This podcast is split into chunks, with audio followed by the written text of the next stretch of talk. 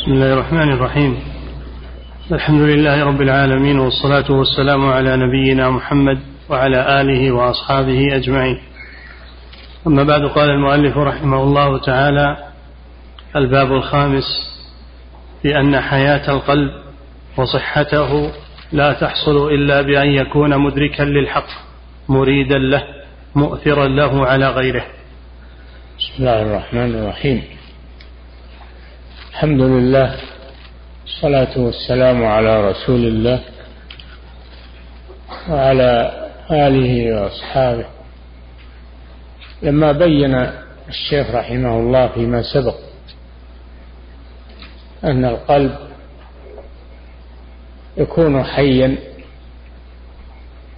ويكون ميتا ويكون مريضا. بين في هذا الأشياء التي تحصل بها حياة القلب. ذلك لأن القلب هو المضغة التي أخبر عنها الرسول صلى الله عليه وسلم بقوله ألا وإن في القلب لمضغة يعني قطعة لحم. إذا صلحت صلح الجسد كله. وإذا فسدت فسد الجسد كله ألا وهي القلب. وصلاح القلب وحياة القلب لا تحصل بدون سبب. لا بد من أسباب يقوم بها العبد لتحيي قلبه.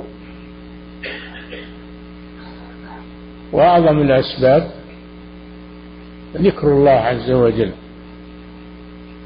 الذين آمنوا وتطمئن قلوبهم بذكر الله ألا بذكر الله تطمئن القلوب.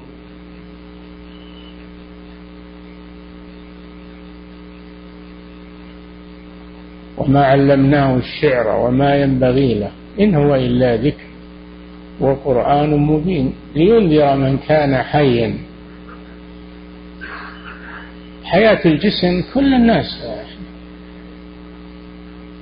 أحيا بأجسامهم إنما المراد هنا حياة القلب لينذر من كان حيا ويحق القول, القول على الكافرين. فالمدار ليس على حياة الأبدان. فكم من من هو قوي الجسم متكامل الأعضاء متكامل الصحة ولكن قلبه ميت. فهو ينقل قلبا ميتا. فلا فائدة حينئذ من حياة الجسم بدون حياة القلب. وكم من إنسان ضعيف الجسم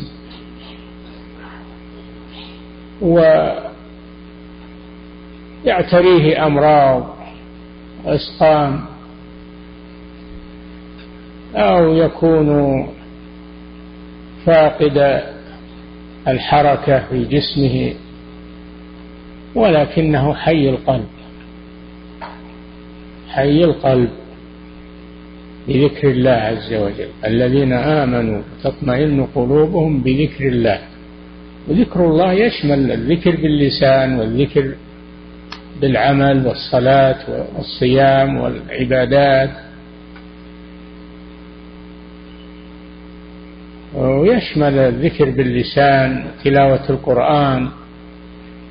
سماع المواعظ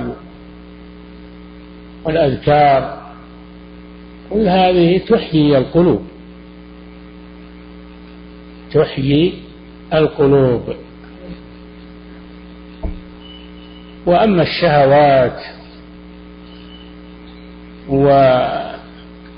سماع الأغاني والمزامير والملاهي هذه تميت القلب تميت القلوب. فكما أن ذكر الله تطمئن به القلوب كذلك الغفلة عن ذكر الله الشهوات الإغراق في الشهوات والمآكل والمشارب والمطاعم والغفلة عن ذكر الله باللهو واللعب والأغاني والمزامير والملاهي المناظر القبيحة والنظر مسموم من سهام إبليس سهم مسموم من سهام إبليس.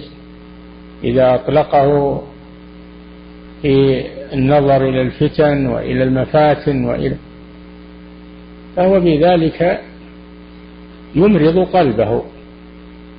ويصيب قلبه. فأنت الذي إما أن تسعى في حياة قلبك وإما أن تسعى في موته. تنبه لذلك. تنبه لذلك. اعتني بقلبك وما يدخل إليه.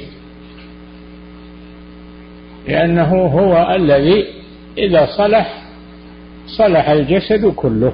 واذا فسد فسد الجسد كله. هذا الحديث من جوامع الكلم التي أوتيها رسول الله صلى الله عليه وسلم. عليك أن تنتبه لذلك. نعم. الباب الخامس.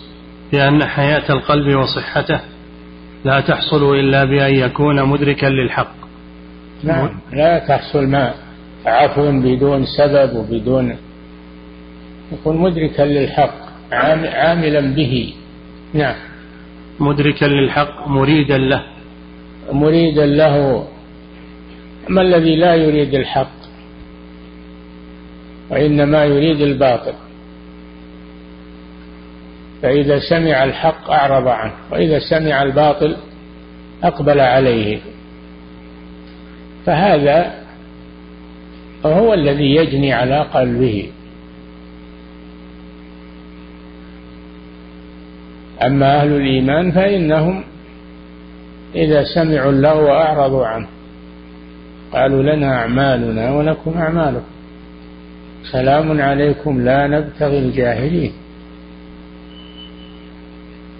يعتنون بقلوبهم فلا يسمعونها إلا ما يحييها ولا يأكلون ويشربون إلا مما يقويها ودائما هم مع قلوبهم أنت كما تلاحظ صحتك وتطلب الشفاء لجسمك والأدوية هم إنما يعتنون بقلوبهم. أهم شيء أنهم يعتنون بقلوبهم. قلوب لها صيدليات. اذهب إليها خذ منها الأدوية. صيدلية القرآن صيدلية الذكر صيدلية الأعمال الصالحة. خذ دواء لقلبك مثل ما أنك تذهب للصيدلية تأخذ أدوية لجسمك لا تعتني بجسمك وتهمل قلبك. نعم. مدركا للحق مريدا له مؤثرا له على غيره. إيه لازم يكون عنده إرادة للحق. ولا بعض الناس ما يريد الحق. ما يريد الحق وإن وإنما يريد الباطل. وإن يروا سبيل الرشد لا يتخذوه سبيلا وإن يروا سبيل الغي يتخذوه سبيلا. هم يؤثرون الباطل على الحق. وأكثر الناس كذا أكثر الناس كذا. نعم. مدركا للحق مريدا له مؤثرا له على غيره. أول شيء يكون مدرك للحق يعرف ما هو الحق وما هو الباطل. وإلا حتى لو كان يريد الحق وهو لا يعرفه ما ما يستفيد شيء. قد يرى أن بعض الأشياء حق وهي باطل. نعم. مدركا أول شيء مدركا. ثانيا يكون مريدا له بعض الناس يعرف الحق لكنه لا يريده. هذه مصيبة. نعم. مريدا له مؤثرا له على غيره. مؤثرا له على غيره ثلاث صفات. مدركا للحق. مريدا له مؤثرا له على غيره من الباطل. نعم. لما كان في القلب قوتان قوة العلم والتمييز وقوة الإرادة والحب كان كماله وصلاحه باستعماله هاتين القوتين فيما ينفعه. نعم. فيما ينفعه ويعود بصلاحه وسعادته. فكماله باستعمال قوة العلم في إدراك الحق ومعرفته. نعم. لابد من إدراك العلم الشرعي تعلم العلم الشرعي الذي تميز به بين الحق والباطل. لأن الجاهل لا يدري ما هو الحق وما هو الباطل يلتبس عليه وقد يظن الباطل حقا. ويقلد الناس يمشي مع الناس. أما صاحب البصيرة صاحب العلم هذا لا هذا يتبع الحق سواء كان الناس عليها أو كانوا على خلافه ما يهمونه الناس. نعم. فكماله باستعمال قوة العلم في إدراك الحق ومعرفته والتمييز بينه وبين الباطل. واستعمال قوة الإرادة والمحبة. كذلك الإرادة كم من عالم لا يريد الحق إنما يريد الباطل. وهم علماء الضلال. نعم. واستعمال قوة الإرادة والمحبة في طلب الحق. كذلك يكون مريدا له مريدا للحق. لا يكون مريدا للباطل أو يتساوى عنده هذا وهذا. نعم. استعمال قوة قوة الإرادة والمحبة في طلب الحق ومحبته وإيثاره على الباطل. ذلك محبة الحق. إذا أحب شيئا طلبه فإذا أحب الحق طلبه وتابع ورغب فيه. وإذا أحب الباطل تبعه وطلبه وأفنى حياته فيه. المحبة أيضا العلم الإرادة المحبة لازم من هذه الأمور. نعم. فمن لم يعرف الحق فهو ضال. هذا رجع إلى تفصيل هذه الأشياء. المرتبة الأولى معرفة الحق العلم. العلم قبل كل شيء. فاعلم أنه لا إله إلا الله. استغفر قبل القول وقبل العمل. نعم. ومن لم يعرف الحق فهو ضال ومن عرفه من عرف الحق من لم يعرف الحق فهو ضال مثل النصارى والمبتدعة والصوفية ما يعرفون الحق. هم أهل ضلال يعبدون الله على جهل وعلى ضلال.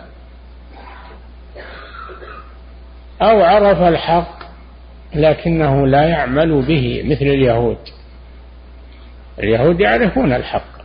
الذين آتيناهم الكتاب يعرفونه كما يعرفون أبناءهم. وإن فريقا منهم ليكتمون الحق وهم يعلمون.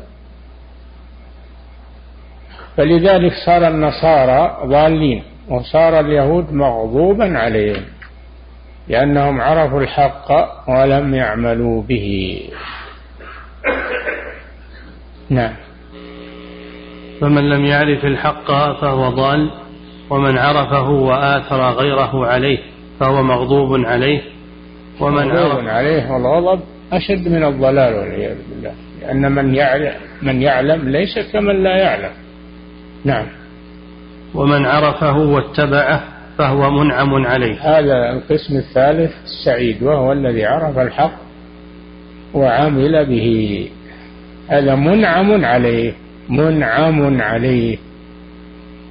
وهذا هذه الأقسام الثلاثة مذكورة في آخر سورة الفاتحة. اهدنا الصراط المستقيم صراط الذين أنعمت عليهم وهم الذين عرفوا الحق وعملوا به. تسأل الله يوفقك طريقهم. القسم الثاني الذين لا يعرفون الحق يعبدون الله على جهل وضلال. ويدخل في هذا النصارى والصوفية والمبتدعة كلهم على غير علم. عندهم عمل عندهم رهبانية. لكن على غير حق. هؤلاء يضالون. الصنف الثالث آه، اهدنا الصراط المستقيم صراط الذين أنعمت عليهم. هذا الصنف الذي جمع بين العلم والعمل. غير المغضوب عليهم وهم الذين عرفوا الحق ولم يعملوا به. عندهم علم لكن ليس عندهم عمل. وهم في طليعة هؤلاء اليهود ولا الضالين وهم الذين ليس عندهم علم لكن عندهم عمل عمل بدون علم هذا ما ينفع هذا تعب بلا فائدة. لهذا تكرر هذه السورة في كل ركعة من صلاة تأمل وش المقصود منها؟ لأنها عظيمة. نعم. وقد أمرنا الله سبحانه أن نسأله في صلاتنا أن يهدينا صراط الذين أنعم عليهم غير المغضوب عليهم ولا الضالين. إيه تنبه. من هم الذين أنعم الله عليهم؟ ومن هم المغضوب عليهم؟ ومن هم الضالون؟ الذين أنعم الله عليهم هم المذكورون في قوله تعالى ومن يطع الله والرسول أولئك مع الذين أنعم الله عليهم من النبيين والصديقين والشهداء والصالحين. وحسن أولئك رفيقا. نعم. ولهذا كان النصارى أخص بالضلال لأنهم أمة جهل. نعم. أمة جهل يعبدون الله على جهل وعلى ضلال. نعم. واليهود أخص بالغضب لأنهم أمة عناد. أمة عناد يعرفون الحق لكنهم لا يعملون به. لذلك غضب الله عليهم. وليس هذا خاصا باليهود والنصارى بل كل من اتصف بصفة النصارى بالعمل بدون علم وكل من عنده علم ولم يعمل به. ليس هذا خاصا باليهود والنصارى. ولهذا أمرنا الله أن أن نستعيذ به من طريقة الضالين والمغضوب عليهم. دل على أن هذا ليس خاصا بهم. ليس هذا خاصا بهم.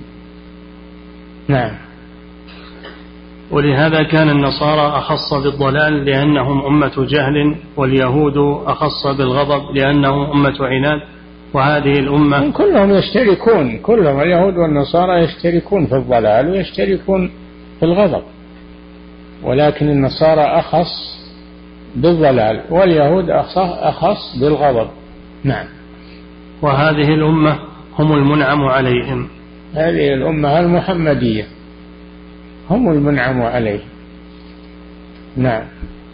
ولهذا قال سفيان بن عيينة رحمه الله سفيان بن عيينة إمام أهل الحجاز رحمه الله من فسد من علمائنا ففيه شبه باليهود ومن فسد من عبادنا ففيه شبه بالنصارى. الأمة هذه فيها من يشبه اليهود وفيها من يشبه النصارى. وهم كثير. نعم. وأما سفيان الثوري هذا سفيان الثوري هذا من أهل العراق. هذا فقيه من الفقهاء الكبار وله مذهب في الفقه. هذا سفيان الثوري. أما سفيان بن عيينة هذا من أهل الحجاز وهو من معتني بالحديث من أهل الحديث. نعم. ولهذا قال سفيان بن عيينة رحمه الله ولهذا يقال السفيانان. فإذا سمعت السفيانان فهما سفيان بن عيينة وسفيان الثوري رحمهما الله.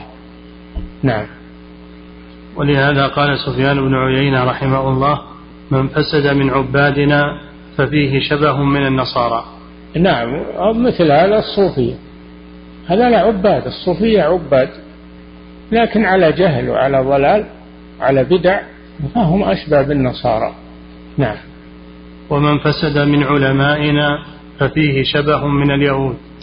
من فسد من علماء هذه الأمة عنده علم لكنه لا يعمل به ففيه شبه من اليهود. نعم. لأن النصارى عبدوا بغير علم. نعم. واليهود عرفوا الحق وعدلوا عنه. يعني النصارى عندهم عمل وليس عندهم علم. والصوفية مثل النصارى يحذرون من العلم الآن يقول لا تعلمون العلم. المقصود العبادة وتعلم العلم يشغلكم عن العبادة. يحذرون من طلب العلم الآن. يقولون لأنه يشغلكم عن العبادة. هذا ظاهرهم ولكن قصدهم أن العلم يحذر مما هم عليه فهم لا يريدونه. لأن العلم يحذر مما هم عليه يكشف سترهم فلا يريدونه. نعم. وفي المسند والترمذي من حديث علي بن حاتم رضي الله عنه عن النبي صلى الله عليه وسلم قال اليهود مغضوب عليهم والنصارى ضالون.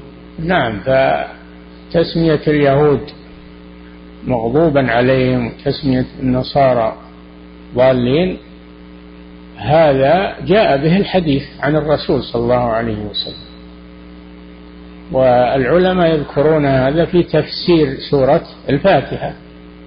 نعم يذكرون ما ورد عن الرسول صلى الله عليه وسلم. نعم. وفي المسند والترمذي من حديث عدي بن حاتم رضي الله عنه عن النبي صلى الله عليه وسلم قال اليهود مغضوب عليهم والنصارى ضالون. وقد العبرة بأوصافهم يبقى العبرة بأعيانهم. مغضوب عليهم ليه؟ لأنهم لا يعملون بعلمهم ضالون ليه؟ لأنهم لا يتعلمون ويعبدون الله على جهل. نعم. وقد جمع سبحانه وتعالى بين هذين الأصلين في غير موضع من كتابه فمنها قوله تعالى وإذا سألك عبادي عني فإني قريب أجيب دعوة الداعي إذا دعان فليستجيبوا لي وليؤمنوا بي لعلهم يرشدون. نعم. فجمع سبحانه بين الاستجابة له والإيمان به. هذا عكس ما عليه اليهود. لا يستجيبون. لا يستجيبون. ولا يعملون. إذا سألك عبادي عني فإني قريب أجيب دعوة الداعي. إذا دعان هذا وصف الله سبحانه. لكن بقي وصف المخلوق فليستجيبوا لي وليؤمنوا بي لعلهم يرشدون. نعم. إذا لم يستجيبوا فإن لم يستجيبوا لك فاعلم أنما يتبعون أهواءهم ومن أضل ممن اتبع هواه بغير هدى من الله. نعم. فليستجيبوا لي وليؤمنوا بي لعلهم يرشدون فجمع سبحانه بين الاستجابة له والإيمان به. ومنها استجيبوا لي وليؤمنوا بي. نعم. ومنها قوله عن رسوله صلى الله عليه وسلم فالذين آمنوا به وعزروه ونصروه واتبعوا النور الذي أنزل معه أولئك هم المفلحون. نعم. الذين آمنوا به يعني بالرسول صلى الله عليه وسلم. وعزروه. إيش معنى عزروه؟ يعني وقروه. لأن التعزير يطلق على معنيين متضادين. يطلق على التعظيم والتوقير والاحترام ويطلق على التأديب. ولذلك باب التعزير في الفقه وهو التأديب على المعاصي. عز آمنوا به وعزروه من المعنى الأول من التوقير والاحترام. آمنوا به صدقوا برسالته ووقروه واحترموه. ولا يكفي هذا بل واتبعوا النور الذي أنزل معه. لأن فيه من يؤمن بالرسول ويصدقه فإنهم لا يكذبونك ولكن الظالمين بآيات الله يجحدون يؤمنون به ويصدقونه لكن لا يتبعونه. هذا مثل اليهود لا يتبعون الحق. مغضوب عليهم والعياذ بالله. أبو طالب أقر أن الرسول أنه رسول الله. أقر بهذا وصدق الرسول وناصره لكنه أبى أن يتبعه ويترك ملة عبد المطلب فمات على الكفر والعياذ بالله. رغم أن الرسول صلى الله عليه وسلم حاول معه أن يقول لا إله إلا الله فأبى أن يقولها فقال هو على ملة عبد المطلب. مع أنه يقول ولقد علمت بأن دين محمد من خير أديان البرية دينا. لولا الملامة أو حذار مسبة لرأيتني لرأيتني لرأيتني بذاك سمحا بذاك مبينا. لولا الملامة أو حذار مسبة مسبة لأجداده عبدة الأصنام. لولا الملامة يلوموننا الناس إنك خالفت جدك عبد المطلب أو أبوك عبد المطلب خالفته. يلومونه أو يسبونه. لولا الملامة أو حذار أو حذار مسبة. لرأيتني سمحا بذاك مبينا. ما منعه إلا الحمية الجاهلية والعياذ بالله. حمية لدين أبيه عبد المطلب. هذه مصيبة. فما يكفي أن الإنسان يعرف الحق ويؤمن به. بل لا بد أن يتبع الرسول الذين آمنوا به وعزروه ونصروه واتبعوا النور الذي أنزل معه أولئك هم المفلحون. حصر الفلاح فيهم. نعم. وقال تعالى ألف لام ميم ذلك الكتاب لا ريب فيه هدى للمتقين الذين يؤمنون بالغيب ويقيمون الصلاة. إلى قوله سبحانه هم المفلحون. نعم في مقرع سورة البقرة. قال الله سبحانه ألف لام ميم. ذلك الكتاب أي القرآن. ذلك الكتاب لا ريب فيه يا حق يقين. هدى لمن؟ المتقين هدى للمتقين. وأما غير المتقين فليس هدى لهم لأنهم لم يتبعوه فلم يهتدوا به لم يهتدوا به فهم فهو ليس هدى لهم. هدى للمتقين. من هم المتقون؟ الذين يقيمون الصلاة. ومما رزقناهم ينفقون يقيمون الصلاة ويؤتون الزكاة. الذين يقيمون الصلاة ومما رزقناهم ينفقون. نعم. يؤمنون بالغيب يؤمنون بالغيب نعم. الذين يؤمنون بالغيب هدى للمتقين. الذين يؤمنون بالغيب ما غاب عن الناس من الغيوب الماضية والمستقبلة. والإيمان بالغيب يدخل فيه الإيمان بالله ويدخل فيه الإيمان بالملائكة ويدخل فيه الإيمان بما الأمم السابقة والرسل السابقين ويدخل فيه الإيمان بالمستقبل الإيمان بالمستقبل وما يحدث في المستقبل والإيمان بالآخرة لأن الآخرة من الغيب أيضا. الغيب واسع. الذين يؤمنون بالغيب أما الذي لا يؤمن بالغيب هذا كافر. من كذب بشيء من الغيب فهو كافر. قال ما فيه ملائكة. أبد ما فيه ملائكة. هذا كله حدس وتخمين. الملائكة يقول الفلاسفة الملائكة هي الهواجس اللي تجي بالنفس الخواطر اللي تجي بالنفس إذا كانت طيبة فهي ملائكة. وإن كانت خواطر سيئة فهم شياطين. هذول عندهم عندهم الملائكة هي الخواطر الطيبة والشياطين هي الخواطر السيئة وليس هناك مخلوقات ملائكة وشياطين ما عندهم هذا. والجن ما يؤمنون بالجن أيضا. لأنهم ما يؤمنون بالغيب ما يصدقون إلا بما يرونه ويشاهدونه. أما ما غاب عنهم ولو أخبرت جميع الرسل به ما يصدقون لهذا قال الذين يؤمنون بالغيب هذا أول شيء. ويقيمون الصلاة. التي هي ركن الركن الثاني من أركان الإسلام وعمود الإسلام. ومما رزقناهم ينفقون لأن الزكاة قرينة الصلاة. والذين يؤمنون بما أنزل إليك وما أنزل من قبلك هؤلاء مؤمنوا أهل الكتاب الذين آمنوا بالرسل وآمنوا بمحمد صلى الله عليه وسلم. الذين أدركوا الرسول صلى الله عليه وسلم من أهل الكتاب وآمنوا به. والذين يؤمنون بما أنزل إليك وهو القرآن وما أنزل من قبلك من التوراة والإنجيل والكتب السابقة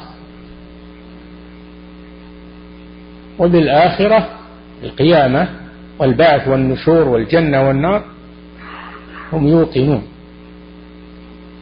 يؤمنون بذلك. هذه أركان الإيمان.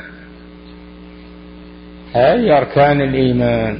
أولئك على هدى من ربهم وأولئك هم المفلحون. حصر الفلاح فيهم. أما غيرهم فهم خاسرون. نعم. وقال الله تعالى في وسط السورة ولكن البر من آمن بالله واليوم الآخر. ليس البر ليس البر أن تولوا وجوهكم قبل المشرق والمغرب ولكن البر من آمن بالله واليوم الآخر والملائكة والنبيين وآتى المال على حبه ذوي القربى واليتامى والمساكين وابن السبيل والسائلين وفي الرقاب وأقام الصلاة وآتى الزكاة. وآتى نعم. و وال ولكن البر من آمن بالله واليوم الآخر وأقام الصلاة وآتى الزكاة. ولكن البر من آمن بالله واليوم الآخر والملائكة والنبيين وآتى المال على حبه على حبه يحب المال ومع هذا ينفقه في طاعة الله يقدم محبة الله على محبة المال. وآتى المال على حبه ذوي القربى واليتامى والمساكين وابن السبيل والسائلين وفي الرقاب. والموفون بعهدهم إذا عاهدوا الصابرين في البأساء والضراء وحين البأس. أولئك الذين صدقوا. اتصفوا بهذه الصفات هم الذين صدقوا في إيمانهم. وأولئك هم المتقون. هذا هو البر. ود الإثم. نعم. وقال الله تعالى بسم الله الرحمن الرحيم. والعصر إن الإنسان لفي خسر إلا الذين آمنوا وعملوا الصالحات وتواصوا بالحق وتواصوا بالصبر. كل إنسان خاسر إلا من اتصف بأربع صفات. السورة الوجيزة هذه جمعت كل المنهج السليم الذي يمشي عليه المؤمن وينجو من الخسارة. إذا اتصف بأربع صفات نجا من الخسارة. ما هي؟ الذين آمنوا. هذا أول شيء. آمنوا بالله عز وجل. ولا يكفي أنهم يؤمنون لابد من العمل. عمل إيمان بدون عمل ما له قيمة. هذا في رد على المرجئة. إلا الذين آمنوا وعملوا الصالحات. ولا يكفي أنهم هم يصلحون في أنفسهم بل يسعون في إصلاح غيرهم. وتواصوا بالحق. هذه الصفة الثالثة. الصفه الرابعة وتواصوا بالصبر على الحق لأن ما كل يصبر على الحق. الحق مر. النبي صلى الله عليه وسلم يقول قل الحق ولو كان مرا. لكن يصبر عليه. يصبر على أذى الناس. يصبر على التعب والمشقة. يصبر على العبادة. اللي ما عنده صبر ما عنده دين. ولهذا يقول أمير المؤمنين علي أبي طالب رضي الله عنه الصبر من الدين بمنزلة الرأس من الجسد. اللي ما ما عنده صبر ما عنده دين. مثل مثل الجسد الذي ليس فيه رأس. هل الجسد إذا كان في مقطوع الرأس يعيش؟ ما يعيش. كذلك الدين لابد من الصبر. لابد من الصبر على العبادة والطاعة والصبر عن محارم الله وعن المعاصي. لابد من الصبر ولا ما ما يصير عنده دين. نعم. فأقسم سبحانه بالدهر. الذي هو زمن الأعمال الرابحة والخاسرة. لماذا أقسم بالعصر وهو الدهر؟ الله لا يقسم إلا بشيء فيه سر إلا بشيء عظيم وفيه سر. فما هو السر الذي في العصر؟ السر الذي في العصر أنه محل الأعمال. هو محل عمل العبد. عمله في عمره وحياته. عمل خير أو شر إنما يقع في الزمان من الليل والنهار.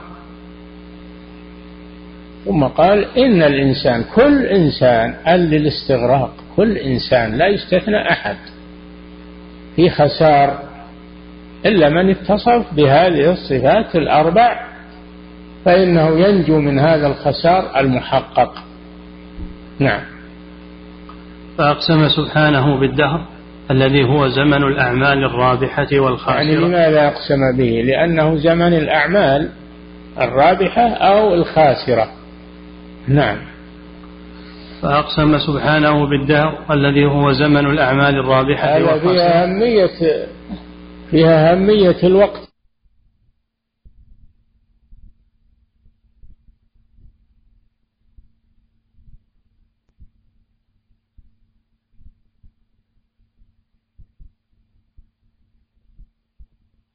باطل وإن استعمل قوته الإرادية العملية في العمل به وإلا استعملها في ضده.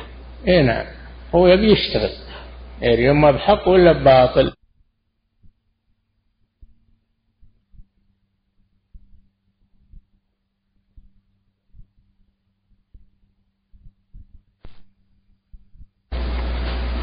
ثم يقول حفظك الله وإذا تبين له بعد اطلاعه على الكتاب أن قلبه من القلب الحي. هل يكون هذا من تزكية النفس؟ إذا مدح نفسه يكون من التزكية. أما إذا لم يمدحها لا. يحمد الله ويشكر الله على ذلك. نعم. فضيلة الشيخ وفقكم الله.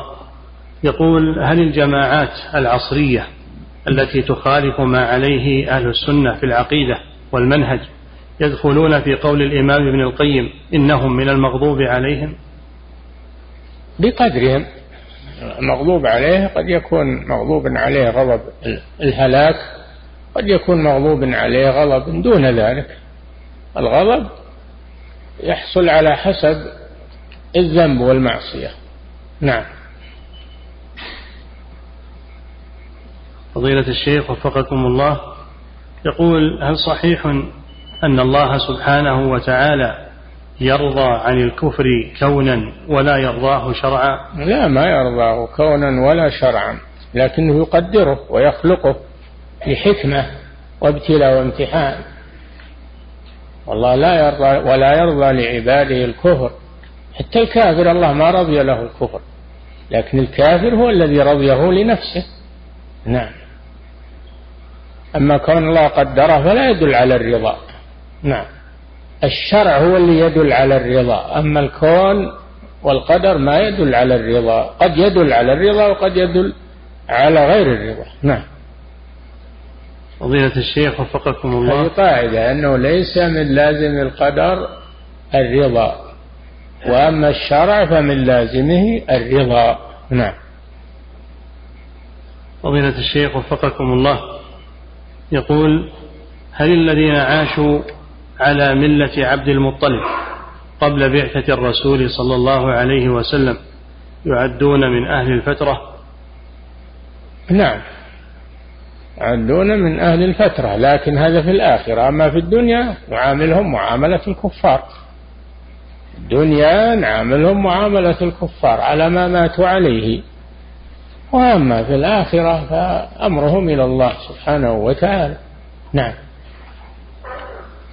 فضيلة الشيخ وفقكم الله يقول كيف يتدبر الإنسان سورة الفاتحة أثناء قراءتها في الصلاة؟ إيه نعم يقرأها بتدبر على حسب ما يستطيع. ما يقرأها بدون تدبر أبدا لا يقرأها بتدبر على قدر حاله. نعم. فضيلة الشيخ وفقكم الله يقول هل هل هذه الأسماء التي وردت في الحديث حارث وهمام هل هي على سبيل المدح أم أنها جاءت على, على سبيل, سبيل الإخبار على سبيل الإخبار وليست على سبيل المدح. نعم. فضيلة الشيخ ما في إنسان ما يكتسب أو يهم بالكسب ما يبقى معطلا أبدا. نعم. إما بالخير وإما بالشر. نعم. فضيلة الشيخ وفقكم الله يقول هل يؤخذ من حديث المؤمن القوي أحب إلى الله من المؤمن الضعيف أن على الإنسان أن يقوي بدنه مع اعتنائه بقلبه؟ القوي في إيمانه يا أخي ما هو المقصود القوة في البدن القوي في إيمانه المؤمن القوي في إيمانه. خير من المؤمن الضعيف يعني في إيمانه وفي كل خير. نعم. فضيلة الشيخ وفقكم الله. يقول ما أسباب الثبات على الدين وما أعظم ذلك؟ السؤال دعاء الله. اهدنا الصراط المستقيم. دعاء هذا دعاء عظيم. تسأل الله أن يدلك على الصراط المستقيم وأن يثبتك عليه. نعم. هداية توفيق هذه. هداية توفيق. نعم. فضيلة الشيخ وفقكم الله يقول ما حكم الصلاة في المقبرة؟ وهل تكون صحيحة؟ لا. الصلاة في المقبرة باطلة منهي عنها. إلا صلاة الجنازة فقط. نعم. أو الصلاة على القبر. نعم. فضيلة الشيخ وفقكم الله يقول ما حكم قراءة المسلم للقرآن من المصحف واقفا في غير صلاة؟ لا بأس. اقرأ بالمصحف واقفا أو جالسا أو مضطجعا أو على جنب. ما يخالف. نعم. فضيلة الشيخ وفقكم الله يقول ما الضوابط الشرعية لجواز عمل المرأة خارج بيتها؟ أن تكون محتاجة إلى هذا وأن لا تختلط مع الرجال اختلاطا يسبب الفتنة وأن تكون متحجبة نعم. وألا تضيع عمل بيتها. تضيع عمل بيت العمل في البيت هو الأصل. تضيعه تروح تعمل خارج البيت. نعم. فضيلة الشيخ وفقكم الله يقول أناس سافروا ولم يجزموا على مدة معينة فكانت النساء تقصر ولا تجمع أما الرجال فكانوا يصلون في المسجد صلاة تامة. هل فعلهم هذا هو الصحيح؟ يعني قصده ما قصدوا مسافة معينة إذا كانوا ما قصدوا مسافة معينة فلا يقصرون. أما إذا قصدوا مسافة معينة ثمانين كيلو فأكثر فلهم القصر. لهم القصر. إلا إذا نووا إقامة تزيد على أربعة أيام فإنهم لا يقصرون. نعم. فضيلة الشيخ وفقكم الله يقول السائل يقول أنا من بلاد روسيا. وأبو زوجتي رجل نصراني.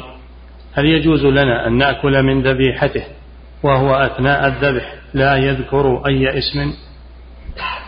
نعم. طعام الذين أوتوا الكتاب حل لكم. أباح الله لنا ذبائحهم. بشرط أن يذبحوها على الطريقة الشرعية. الحلق وقطع الأوداج وقطع المري. نعم قطع المري وقطع الأوداج أو الحلقوم والأوداج. يعني عندك أربعة أشياء. الحلقوم وهو مجرى النفس والمري وهو مجرى الطعام مجرى الشراب والطعام والوديجان وهما مجرى الدم. فإذا قطعت الأربعة كلها فهذه تذكية تامة. وإذا قطعت ثلاثة منها فهي تذكية مجزئة صحيحة. ثلاثة منها من هذه الأربعة. سواء الذي قطعها مسلم أو كتابي تحل ذبيحته. نعم. فضيلة الشيخ وفقكم الله يقول إذا رزق الإنسان بولد ذكر فهل له أن يذبح عنه عقيقة واحدة هذه السنة والأخرى بعد سنة؟ على حسب استطاعته إن كان يستطيع يذبح الذبيحتين جميعا في وقت واحد إن كان ما يستطيع يذبح واحدة وإذا أيسر يذبح الثانية. نعم. اتقوا الله ما استطعتم. نعم. فضيلة الشيخ وفقكم الله ويقول وهل له أن يشتري لحما فيكون كافيا عن الذبح؟ لا. الذبح عبادة. اللحم هذا صدقة ما هو ما هو بعبادة هذا صدقة. لكن الذبح عبادة صلي لربك وانحر. نعم.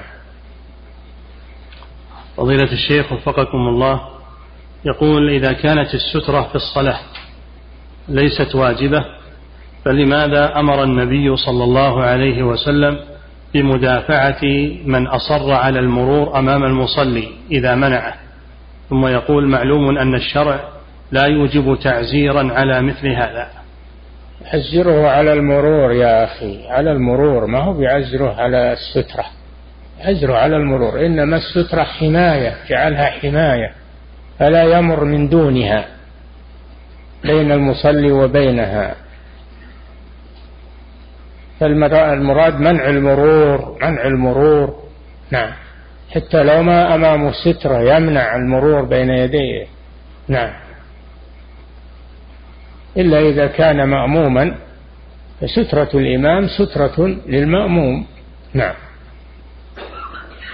فضيلة الشيخ وفقكم الله يقول هل يجوز للطفل الصغير أن يكون إماما للكبير؟ إذا كان مميزا في خلاف لكن الصحيح أنه إذا كان مميزا تصح إمامته. لأن عمر بن سلمة كان يؤم قومه وهو في سن التمييز.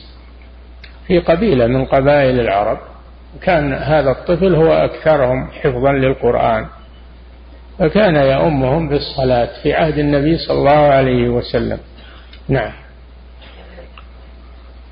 فضيلة الشيخ وفقكم الله. يقول حفظك الله يكثر الكلام بين طلبة العلم في هذا المسجد وغيره على مسألة حجز المكان في المسجد. يقول ما الحكم في ذلك بالتفصيل؟ حفظكم الله. حجز المكان إذا كان أنه في مكان وقام يبي يجيب حاجة ويرجع أو يبي يتوضأ ويرجع فهو أحق به وله أن يحجزه. أما إذا كان أنه بيحجزه يروح ينام ولا يروح يشتغل ومن بعدين يجي هذا ما يجوز. حرام هذا. وترفع يرفع الحجز لأن المسجد لمن سبق. لكن إذا كان أنه جالس في المسجد وقام من أجل أن يتسند على شنق المسجد وحط في مكان شيء ما يخالف. طيب. لأنه حاضر. أو قام لحاجة سريعة ويرجع. أيضا لا بأس. هو أحق بالمكان لأنه في حكم الحاضر الجالس. نعم. فضيلة الشيخ وفقكم الله. يقول هل ورد أن سفيان ابن عيينة رحمه الله هل ورد أن بعض الصحابة كانوا يسألونه عن بعض المسائل العلمية؟ والله ما أدري ما أدري. نعم. فضيلة الشيخ وفقكم الله. يقول كيف يكون الصدع بالحق؟ وما معنى ما ورد في الحديث ألا لا يمنعن رجل هيبة الناس أن يقول الحق؟ أو كما ورد. نعم يصدع بالحق بالطرق الشرعية. الطرق الشرعية. الطرق الشرعية يعني جمعا بين الأدلة. ما هو بياخذ دليل ويترك الدليل الآخر. يكون بالحكمة والموعظة الحسنة والجدال بالتي هي أحسن ويكون عنده علم أيضا. نعم. لازم من قيود شرعية. نعم. فضيلة الشيخ وفقكم الله. وأن لا يكون صدعه بالحق يلزم عليه شر أكثر. ما يلزم عليه شر أكثر أيضا. نعم. فضيلة الشيخ وفقكم الله يقول هناك بعض الأناشيد والمقاطع سواء فيديو أو غيرها يكون معها أصوات من فم الإنسان وتشبه إيقاع الموسيقى. هل هذه تلحق بالموسيقى وتكون محرمة؟ كيف؟ يقول هناك بعض الأناشيد أو المقاطع التي تكون في الفيديو أو غيره يكون معها أصوات من فم الإنسان تشبه إيقاع الموسيقى فهل تكون ملحقة؟ فم من؟ المستمع ولا فم المنشد؟ المنشد. ها؟ المنشد. هذا صوت هذا ما هو. هذا صوت. الصوت فيه موسيقى ترى. الصوت فيه موسيقى. فهذا موسيقى صوتية غير غير الموسيقى الآلية. نعم. فضيلة الشيخ وفقكم الله. يقول ظهرت ظاهرة وهي إقامة أعياد الميلاد بين بعض الناس لأبنائهم وذلك بسبب فتوى لبعضهم بجواز ذلك. من هو اللي يفتى بجواز ذلك؟ هل هو من أهل الفتوى؟ ما أحد يفتي بهذا من أهل العلم. أما المتعالمين وحدث ولا حرج.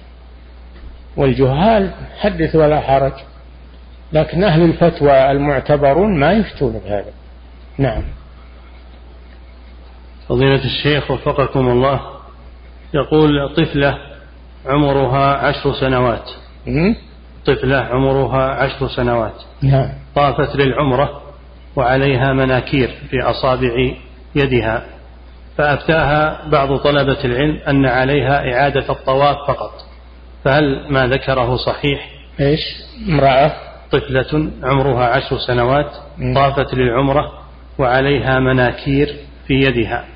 فأفتاها بعض طلبة العلم أن عليها إعادة الطواف فقط طواف العمرة. فهل ما ذكره صحيح؟ نعم عليها أن تزيل المناكير وتتوضأ وتطوف. طواف العمرة تكمل العمرة لأنه باقي فيها الطواف. تطوف للعمرة وتسعى بعدها لأن الطواف لأن السعي لا بد أن يكون بعد الطواف فتطوف وتسعى تكمل عمرتها. نعم. فضيلة الشيخ وفقكم الله. يقول إذا ساهمت في مساهمة ولم تخرج إلا بعد سنة ونصف علما أنه بعد مضي سنة ليس عندي شيء من مالها. ساهمت إيش؟ إذا ساهمت في مساهمة, في مساهمة ولم تخرج إلا بعد سنة ونصف. علما أنه بعد مضي سنة من ذلك ليس عندي شيء من مالها. يقول كيف أزكي؟ هل أزكي عن السنة أو عن السنة والنصف؟ لا تزكي عن السنة. سنة ونصف ما في سنة ونصف. إذا مر عليها سنة تزكيها والنصف هذا ما يحتسب. إلا إذا تمت السنة الثانية تحتسب سنة ثانية. نعم.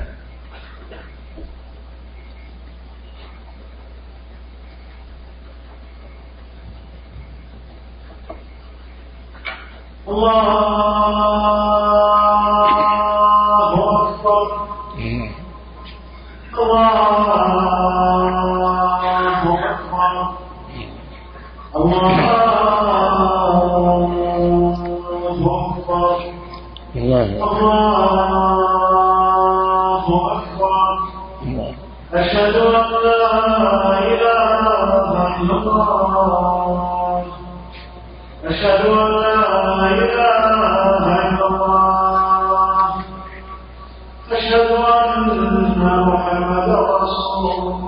الله أشهد أن محمدا رسول الله.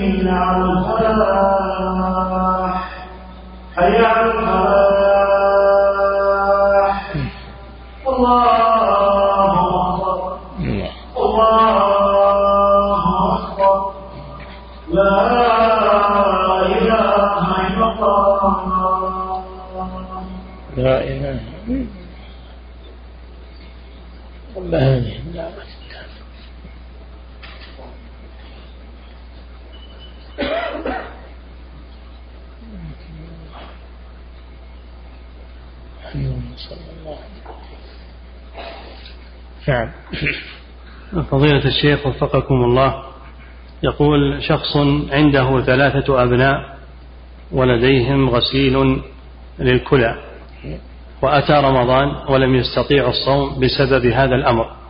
يقول فأوكلني والدهم بأن أخرج عنهم إطعام مسكين عن كل يوم عن الثلاثة وأعطاني مالا لهذا الأمر. فأخذت المال ونسيت أن أخرج عنهم الإطعام ومضى الآن خمس عشرة سنة. فهل أخرج عن ذلك العام إطعام مسكين أم عن خمس عشرة سنة التي مرت سابقا؟ عن العام الذي لم يصوموا فيه. تخرج إطعام مسكين عن كل يوم عن كل واحد عن كل واحد إطعام مسكين في اليوم. عدد أيام رمضان والثاني مثله والثالث مثله.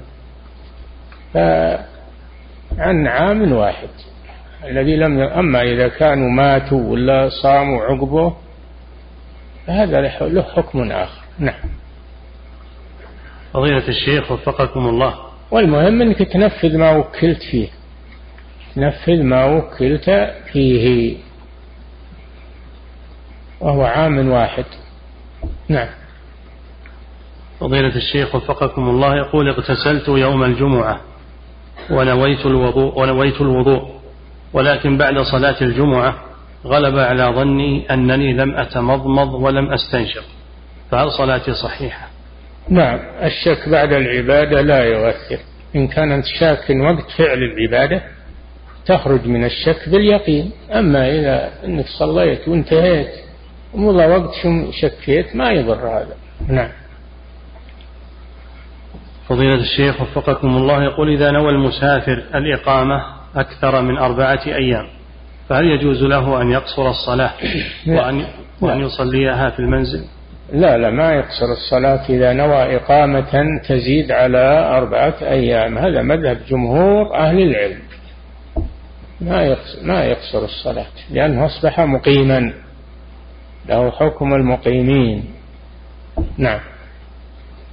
فضيلة الشيخ وفقكم الله يقول هل من سافر أكثر من مسافة ثمانين كيلو في يوم واحد ورجع إلى بلده مرة أخرى هل يعد مسافرا؟ أي نعم يعد مسافر. العبرة بالمسافة أي العبرة بالزمن. نعم. فضيلة الشيخ وفقكم الله في قوله سبحانه وتعالى وما علمناه الشعر وما ينبغي له. هل الشعر كله مذموم؟ الرسول صلى الله عليه وسلم ما علم الشعر ولا يحسن الشعر عليه الصلاة والسلام. وأما غيره الشعر في حقه منه مذموم ومنه ممدوح.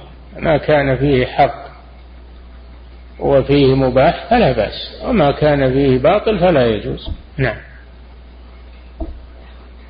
فضيلة الشيخ وفقكم الله يقول حافظوا على الصلوات الخمس في أوقاتها وأحافظ على قراءة القرآن وعلى صيام التطوع ولله الحمد ولكن ينتابني ببعض الأحيان الخوف من المستقبل مستقبل المعيشة والرزق وعلى مستقبل أبنائي ورزقهم خاصة في هذه الآونة الأخيرة مما أدخل على نفسي الهم والغم والحيرة. يقول ما توجيهكم ونصيحتكم لي في هذه الأمور. هذا من الشيطان. عليك بالاستعاذة من الشيء. إذا أحسست بشيء من هذا فاستعذ بالله وأحسن الظن بالله وتوكل على الله. والله يسر الأمور إن شاء الله. لك ولأولادك. نعم. فضيلة الشيخ وفقكم الله. يقول رجل مسافر صلى بمقيمين. وقص رجل مسافر صلى بمقيمين وقصر الصلاة. وبعد التسليمة الأولى تكلم وقال أكملوا صلاتكم ثم سلم للتسليمة الثانية. هل فعله هذا صحيح؟ لا ما هو صحيح. ما خرج من الصلاة ما خرج من الصلاة إلا بالتسليمة الثانية. ولكن يعذر بالجهل إن شاء الله يعذر بالجهل في هذا. نعم. فضيلة الشيخ وفقكم الله يقول ما يفعله بعض أئمة المساجد من الجمع بين الصلوات إذا حدث غبار؟ هل لهذا دليل؟ لا دليل عليه ولا أصل له. وهؤلاء يجمعون ولو ما حصل غبار. إذا شاهوا الخيال مزبل من الغرب اجمعوا. يقولون عندنا شيبان وعندنا أي نعم. هذا خطأ ولا تصح الصلاة المجموعة؟ الصلاة المجموعة ما تصح لأنها في غير وقتها من غير عذر شرعي. نعم. فضيلة الشيخ وفقكم الله يقول والدي يعيش معي في البيت والدي يعيش معي في بيتي وهو يشاهد التلفاز على بعض البرامج المحرمة وأحيانا أشعر بالضيق من هذا الأمر. ما نصيحتكم لي في هذا؟ أن تتركه. آه ما تتركه يعمل هذا تنكر عليه تقول هذا ما يجوز يا والدي ولا يصح منك لازم تبين له. هو أولى بنصيحك من غيره. نعم. فضيلة الشيخ وفقكم الله يقول تناقشت أنا وشخص عن حكم طاعة الولد لأبيه في شراء الدخان لهذا الأب إذا أرسله وقال هناك من يقول إنه يجوز أن تطيع أباك في هذا الأمر. لا هذا غلط. هذه معصية ولا طاعة لمخلوق في معصية الخالق لا الوالد ولا غيره. نعم. فضيلة الشيخ وفقكم الله يقول هل الفخذ من العورة التي لا يجوز كشفها عند الرجال؟ نعم. الفخذ من العورة الركبة من العورة. ما تحت الركبة هذا خارج العورة. نعم. فضيلة الشيخ وفقكم الله يقول هل تجوز صلاة الاستخارة في أوقات النهي؟ ما حده الله على وقت النهي. إذا طلع وقت النهي يصليها. نعم. لأن فيها خلاف وما يدخل بالخلاف وعنده سعة الحمد لله. نعم. فضيلة الشيخ وفقكم الله ويقول وإذا صلى صلاة الاستخارة ثم لم ثم لم يتبين له شيء يقول فماذا يصنع؟ كرره يكرر صلاة الاستخارة إلى أن يترجح عنده أحد الأمرين. نعم. فضيلة الشيخ وفقكم الله يقول لبست الجوربين بدون وضوء نسيانا ثم توضأت ومسحت عليهما وصليت بالناس إماما. ما صحة هذه الصلاة؟ صلاتك غير صحيحة وصلاة المأمومين صحيحة فأنت أعد الصلاة وحدك. نعم. فضيلة الشيخ وفقكم الله يقول هل يعق عن السقط الذي مات في الشهر الخامس؟ أي نعم. إلى وصل الرابع الشهر الرابع لأنه تنفخ فيه الروح يعق عنه لأربعة أشهر. نعم. فضيلة الشيخ وفقكم الله. يقول هل الأفضل المواظبة على صلاة الضحى أم أنها تترك أحيانا؟ تترك أحيانا أحسن. نعم. فضيلة الشيخ وفقكم الله يقول السائل في بعض الدول تكون الجامعات مختلطة بين الرجال والنساء ومنهم من يكون على غير دين الإسلام. ومنهم؟ من يكون على غير دين الإسلام. على على غير دين الإسلام. نعم. هل يجوز أن يقول الطالب المسلم لغيره من الطلبة غير المسلمين أن يقول إخواننا المسيحيين أو أخي المسيحي؟ أعوذ بالله. أخوك الكافر؟ أو بخو لك. لا يجوز هذا. نعم. ثم يقول حفظك الله هل يقول وهل يجوز أن يقول صديقي النصراني؟ ولا صديقي لأن هذا محبة. لأن الصداقة محبة لا يجوز أن تحب الكفار. نعم. انتهى. الله تعالى أعلم وصلى الله وسلم على نبينا محمد.